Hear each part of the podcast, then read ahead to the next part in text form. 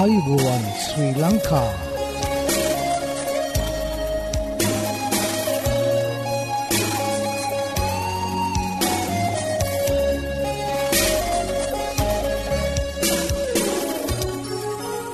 ඔබට සුපදවස මේ ඇඩවෙන්ටිස් වර්ල් රේඩියෝ බලාපොරොත්වය හඬයි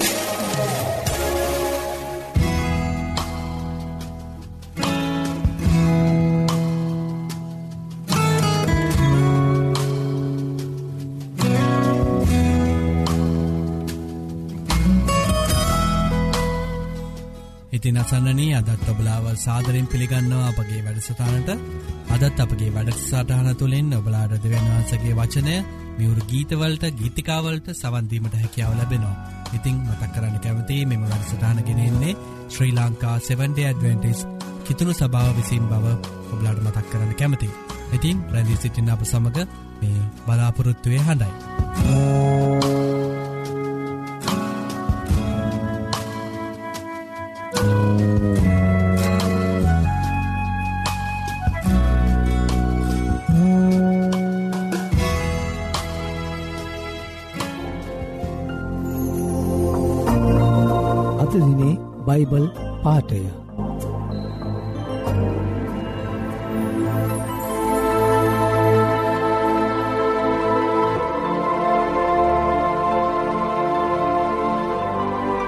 ශුද්ධෝ මතෙව් පස්වන පරිච්චේදේ හතලි සතරවන පදය.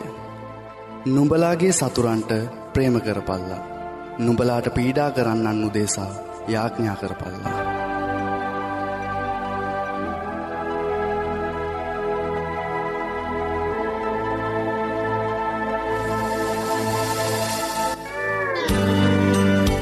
ආයුබෝවන් මේ ඇඩවෙන්ටිස් වර්ල් රේඩියෝ බලාපොරොත්වය හඬයි යෙසායා 51:12 නුඹලා සනසන්නේ මමය.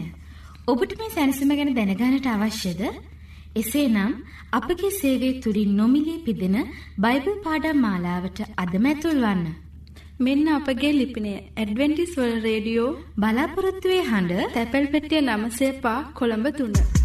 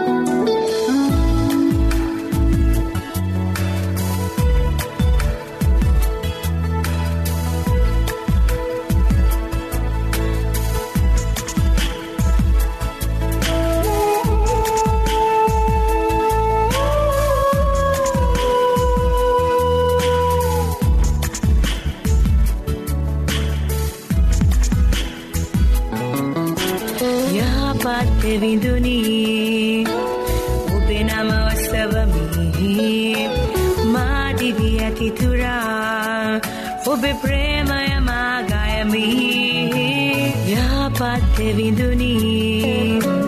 ඔබේ නම ඔස්සවමි මාදිවි ඇතිතුරා ඔබේ ප්‍රේමය මාගයමි ශුද්ධරේ ඔබ ස්වාමී ඇසසුම් ලැබුමට සැරේ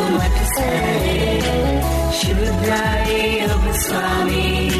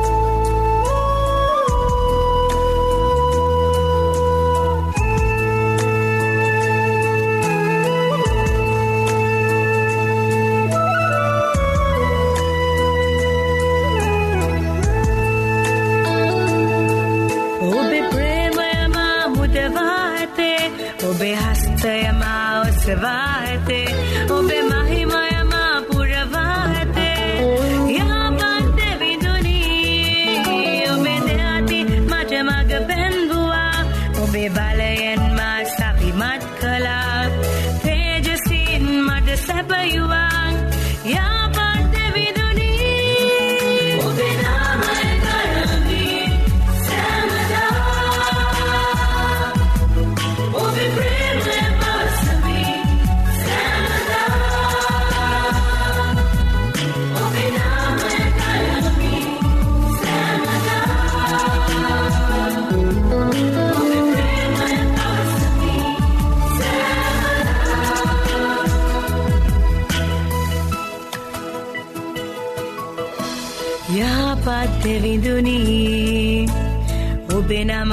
ඔසවමි මාදිවි ඇතිතුරා ඔබේ ප්‍රේමය මාගයමි යහපත් දෙවිඳුනී ඔබේ නම ඔසවමි මාදිවි ඇතිතුරා ඔබේ ප්‍රේමය මාගයමි ශුද්ධයි ඔබ ස්වාමී පැත්සුම් jumlah bumat saya Shudai abasami I labu madasai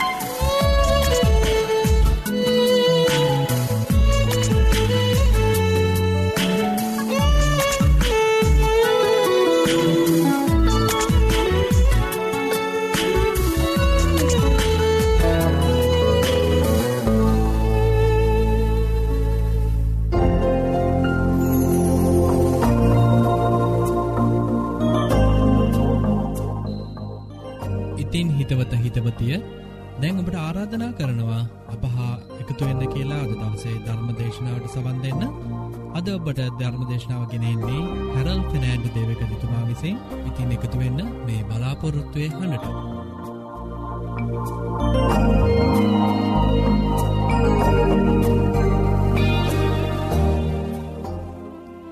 මගේ ප්‍රිය දූදරුවනි අද මම ඔබව අමතන්න යන්නේ.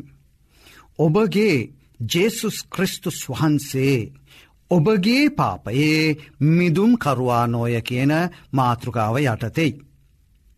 මේක ඇවිල්ලා දෙවියන් වහන්සේ මනුස ජාතීන්ට දුන්නා වූ උත්තුම්ම උත්තුම්ම උතුම්ම පොරොන්දුවයි. මොකක්ද ඔබගේ මිදුම්කරවානෝ ඔබගේ පාපයට සම්මාව ජේසුස් ක්‍රිස්තුස් වහන්සේ. තීතස් පොතේ තුන්ගනි පරිච්චේදේ පස්වනි පදේ ඉඳං හත්වනි පදයට මේ පිළිබඳව මෙහෙම කියනවා. අප විසින් කළ ධර්මිෂ්ඨකමේ ක්‍රියාවලින් නම් නොවෙයි තමන් වහන්සේගේ දයාව ලෙස නැවත ඉපදීම නැමති සේදීමෙන්ද ශුද්ධාත්මයණන් වහන්සේගේ අලුත් කිරීමෙන්ද උන්වහන්සේ අපව ගැලවූසේක. එසේය උන්වහන්සේගේ කරුණාවෙන් අප ධර්මිෂ්ඨ කරනු ලැබ සදාකාල ජීවනයේ බලාපොරොත්තුවේ හැටියට උරුමකාරයන් වන පිණිස. උන්වහන්සේ අපගේ ගැලවුම් කාර්යාණන් වූ ජේසුස් ක්‍රිස්තුස් වහන්සේ කරනකොටගෙන ශුද්ධාත්මයණන් වහන්සේව අධික්ක ලෙස අප පිට වැගිරෙව් සේක කියලා. තුරද මෙතනදීම පෙන්නුම් කරනවා අපගේ සදාකාල ජීවනයේ බලාපොරොත්තුව නම් ජේසුස් ක්‍රිස්තුස් වහන්සේ. උන්වහන්සේ තමයි ඔබගේ පාපය වෙනුවෙන් කුර්සියට ගිහිල්ලා ජීවිතය පූචා කරලා පාප සමාවේ දොර ඇරලා දුන්නේ මාර්ගය විවෘත කරලා දුන්නේ. එක යොහන් පොතේ හතරේ දා හතර මෙහෙම කියනවා. පියාණන් වහන්සේ විසින් පුත්‍රයාණන් ලෝකයාගේ ගැලවුම් කාරයා කොට එවූ බව අපි දුටිමුව. ලූක් සුභා රංචියයේ පළමනි පරිච්චේදයේ හතලිස් හත්වනි පදය මෙහෙම කියනවා. මාගේ ආත්මයද මාගේ ගැලවුම් කාර දෙවියන් වහන්සේ කෙරෙහි ප්‍රීතිමත් වනා කියලා. යොහන් හතරවිනි පරිච්චේදේ හතලිස් දෙවිනි පදය මෙන්න මෙහෙම කියනවා. මේ සියල්ලම ඔබට පෙන්නුම් කරන්නේ ජේසුස් ක්‍රිස්තුස් වහන්සේ ඔබගේ පාප සමාව දීල තිබෙන බවයි. හොඳ අපි බලමු යොහන් හතරේ හතලිස් දෙක. සමාර්ය වරුන්ගෙන් බොහෝ දෙනෙක්. උන්වහන්සේ කෙරෙහි අදහා ගත්නු ලැබුවා. මේ වෙලාවෙදී. සමාරියවරු උන්වහන්සේ ළඟට ඇවිල්ලා තමුන් සමග නවතින ලෙස උන්වහන්සේගෙන් ඉල්ලුව. උන්වහන්සේත් ඔවුන් සමග දවස් දෙකක් නැවතිලා හිටිය. වෙනත් බොහෝ දෙනෙක් උන්වහන්සේගේ වචනය නිසා උන්වහන්සේගේ ඒ අනුශාසනා අවවාද දේශන අසාගෙන උන්වහන්සේව අදහාගෙන ස්ත්‍රියට කතා කරලා කියනවා මෙන්න මෙහෙම. අප දැන් අදහන්නේ නුම්බේකීම නිසා නොවේ. මක් නිසාද අපිම අසා සැබෑවටම මුන් වහන්සේ. ලෝකයාගේ ගැලවුම් කාර්යාණන් බව දැනගත්තු නිසයි කියලා කියනවා. ලස්සට කියනවනේ දැම් මේ ජනතාව කියනවා මේ එකෙක් කෙනා කියන නිසාපේ ජේසුස් ක්‍රිස්ස් වහන්සේ වදාගත්තේ නෑ. අපි දැන් අදහන්නේ නුඹේකීම නිසා නොවෙයි මක් නිසාද අපිම අසලා සැබෑවටම මුන් වහන්සේ ලෝකයාගේ ගැලවුම් කාර්යණන් බව දන්න නිසයි කියලා. ලූක් දහනමේ දහය මෙහෙම කියනවා. මනුෂ්‍ය පුත්‍රයා වන ජෙසුස් ක්‍රිස්තුස් වහන්සේ නැති වූදේ සොයන්ටද ගලවා ගන්ටද ආයේ අයි කිව්වා. ඔබ ඔබගේ වර්ධකාරකම නිසා නැතිවී සිටින විටයි ජේසුස් ක්‍රිස්තුස් වහන්සේ ඔබව සොයාගෙන එන්නේ. ඔබ වෙතටම උන්වහන්සේ එනවා. ඔබ ළඟටම උන්වහන්සේ එනවා. ඔබගේ සිත නැමති දොරටුව ජේසුස් ක්‍රිස්තුස් වහන්සේ වෙත ඇරලත බන්න. ඔබගේ කැමැත්ත උන්වහන්සේට කියා තබන්න මම ආසයි මම කැමතියි ඔබ වහන්සේව මගේ චරිතයට මගේ ජීවිතයට පිළිගන්න කියලා. යොහන්තුනේ දාසය මෙන්න මෙහෙම කියනවා. දෙවියන් වහන්සේ සුවකීය ඒක ජාතක පුත්‍රයාණන් දෙන තරම් ලෝකයාට ප්‍රේම කලා. එහෙම කළේ උන්වහන්සේ කෙරෙහි අදහාගන්නා වූ සැම දෙනාවම ඔබත් ඇතුළුව. විනාශ නොවී සදාකාල ජීවනය ලබන පිණිසයි කියලා.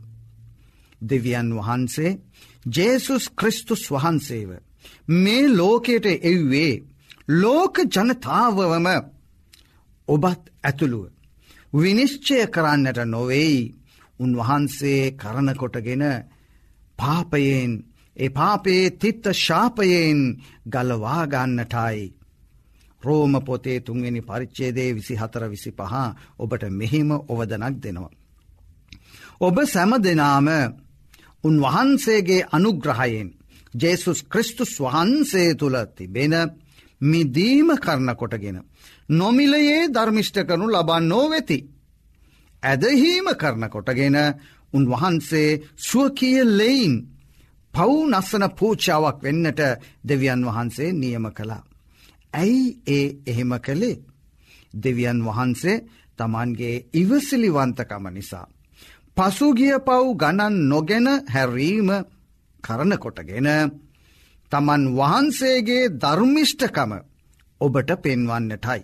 බලන්න දෙවියන් වහන්සේ කොච්චර ධර්මිෂ්ටද ඔබගේ පාපය ගණන් ගන්නේ නැහැ ඇබැයි ඔබ ජෙසුස් ක්‍රිස්තුස් වහන්සේ වෙතට ආවොත් පමණයි. උන්වහන්සේව ඔබගේ පුද්ගලික ගැලුම් කාරයා ලෙස පිළිගත්තොත් පමණයි. එපිස දෙවිනි පරිච්චේදේ හතරවනි පදය පස්වනි පදය මෙහෙම කියන. දෙවියන් වහන්සේගේ දයාවෙන් පොහොසත්ව සිටිනස්සේ. අපට ප්‍රේම කලා වූ තමන් වහන්සේගේ මහත් ප්‍රේමයෙන් අපගේ වරද කරන කොටගෙන. අප මැරී සිටි කල්හි පවා ක්‍රිස්තුස් ජෙසුස් වහන්සේ සමග අප ජීවත් කර. නුඹලා සිටින්නේ අනුග්‍රහයෙන් කියලා. බලන්න අපි පාපය නිසා මේ පාපේ ශාපය නිසා අපි මැරල විනාශ වෙලා ඉද්දි පවා ජේසුස් ක්‍රෂුස් වහන්සේ අපව ජීවත් කරවන්නට කැමතියි කියලා. අපට පාපයට සුවය දෙන්නට කැමතියි කියලා. ඒ පාපේ ශාපයෙන් අපෝ බේරගන්නට කැමතියි කියලා. උන්වහන්සේ සමග අප නැගිටුවලා ක්‍රිස්තුස් ජේසුස් වහන්සේ තුළ අප කෙරෙහි ඇත්තාව කරුණාවන්තකම නිසා තමන්ව අනුග්‍රහයේ ඉතා මහත් සම්පත පැමිණෙන කාලවලදී පෙන්වන පිණිසයි මෙහෙම කරලා තිබෙන්නේ. ඇදහිල්ල කරනකොටගෙන ඒ අනුග්‍රහයෙන් නුඹලා ගැලවී සිටින්නහුය. එය ඔබලාගෙන් නොව දෙවියන් වහන්සේගේ දීමනාවය. යොහන් හයේ හතර මෙන්න මෙහෙම කියනවා. සැබැවක් සැබවක් නුඹලාට කියමි. අදහන්නාට සදාකාල ජීවනය ඇත. එපිස දෙකේ අට සහ නමය මෙහෙම කියනවා. ඇදහිල්ල කරන කොටගෙන ඒ අනුග්‍රහයෙන් නුඹලා ගැලවී සිටින්නහුය. එය නුඹලාගෙන්ම නොවෙයි. ඒක දෙවියන් වහන්සේගේ දීමනාවක්. කිසිවෙක් පාරට්ටු කර නොගන්න පිණිස ඒක ක්‍රියාවලින් නම් නොවෙයි කියලා කියනවා. රෝම දහය නමය මෙහෙම කියනවා. ජේසුස් ක්‍රිස්තුස් වහන්සේ ස්වාමින් වහන්සේයයි ඔබගේ මුඛයෙන් ප්‍රකාශ කරන්නේ නම් දෙවියන් වහන්සේ විසින් උන්වහන්සේව මලවුන්ගේ නැගිටෙවූ බව සිතින් අදහන්නේ නම් නුඹ ගලවනු ලබන්නේහිය කියලා. දෙමිනි කොරන්ති පහේ දාහත මෙහෙම කියනවා. එබැවීන් යමෙක් ක්‍රිස්තුස් වහන්සේ තුළ සිටින්නේ නම් ඔහු අලුත් මැවිල්ලක් කිය. පරණදේ පහවගියයේ. මෙන්න සියල්ලම අලුත්ව තිබේ. දෙකතිමෝති පොතේ එකේ නාමය ඔබට මෙහෙම කියනවා. උන්වහන්සේ අපේ ක්‍රියාවල හැටියට නොවෙයි තමන් වහන්සේගේ කැමැත්තේද ජේසුස් ක්‍රිස්තුස් වහන්සේ තුළ පූර්ව කාලවලට ප්‍රථමයෙන් අපට දෙනලද කරුණාවේද ප්‍රකාරයට අප ගලවා ශුද්ධ වූ කැඳවීමකින් අප ගලවාගත්සේය කියලා අවසාන වසයෙන් ගීතාවරී එකසිය හයේ අසු පහ මෙන්න මෙහෙම කියනවා. උන්වහන්සේ තමන් බලා පරාක්‍රමය දක්වන පිණිස සුවකිය නාමය නිසා ඔවුන් ගැලවූ සේක කියලා. බලන්න ජේසුස් ක්‍රිස්තුස් වහන්සේ ඔබට කොපමන ආදරේද කියලා. ඔබ ජේසුස් ක්‍රිස්තුස් වහන්සේ වෙතට එන්න. ජේසුස් ක්‍රිස්තුස් වහන්සේව ඔබගේ ඒ අලුත් චරිතයක් ලබා ගැනීමේ නිර්මාතෘවරයා හැටියට පිළිගන්න. ඔබගේ චාරිතය වෙනස් කළ ආශිර්වාදමත් ජීවිතයක් ලබා දෙන්නට උන්වහන්සේ සූදානම්ව සිටිනවා. ඔබගේ හදවත ඇරලා. ඔබගේ සිත නිදහස්ව තබලා උන්වහන්සේගෙන් ඉල්ලන්න. මාවෙතර එන්න ජේසු සමිඳුනී මගේ පාපයට සමාවදීලා ඔබ වහන්සේ මගේ මිදුම් කාරයාවන්න කියලා ඉල්ලා සිටින්න. ඉතින් මෙ මිදුම්කරුවා වන්නට නම් උන්වහන්සේ කියනවා උන්වහන්සේව පිළිගන්න කියලා. අපි යාඥා කරමු. ස්වර්ගේ වැඩ සිටින අපගේ ආදරණීය දෙවිපාණනී. ඔබ වහන්සේ අපට දුන්නා වූ ජේසුස් ක්‍රිස්තුස් වහන්සේ නිසා ස්තුතිවන්ත වෙන අතර. ජේසුස් ක්‍රිස්තුස් වහන්සේ දෙවීකත්වය තැබලා මේ ලෝකයට මාංෂිකත්වය අරගෙන මනුෂ්‍යයෙක් ලෙසම උන්වහන්සේ මේ ලෝකෙට ආවේ අපගේ පාපයෙන් සයි. උන්වහන්සේ මේ ලෝකේ මනුස්සෙක් ලෙස ජීවත් වෙලා කුරුසියට ගිහිල්ල දුක් විඳලා උන්වහන්සේ ලේ හලල ජීවිතය පෝච්චා කළේ මනුෂ්‍ය වර්ගයාගේ ඔබකි පාපයට සමාව දෙන්නයි. ජෙසුස් වහන්සේ කියනවා. ඔබගේ සිත නැමැති දොරටුව ඇරල තබන්න මම ඇතුල් වෙලා ඔබ සමග කෑමකණ්ඩ ආසයි කියලා. ඒ නිසාම ආදරණය ජේසු සම්මිධානනී. අපගේ සිත් මේ වෙලාවේදේ අපේ විවෘත කරලා තබනවා. අපි අපගේ ඒ දුර්වල ජීවිත චරිතය නිසා පාපකාරයේ ජීවිත චරිතය නිසා අපේ පසු තැවිලි වෙලා නැවත ඒවා නොකරන්නට අපි ශුද්ධාත්ම බලඉල්ලා සිටින අතර. ජේසු සමින්ධානනී ඔබ වහන්සේ මගේ මිදුම්කරුවා බවට පත්වන්න. මම ඔබට භාරවෙන්නට ආසයි. ජේසුස් ක්‍රිස්තුස් වහන්සේගේ නාමෙන් ඉල්ලා සිටිනේ ආමේෙන්.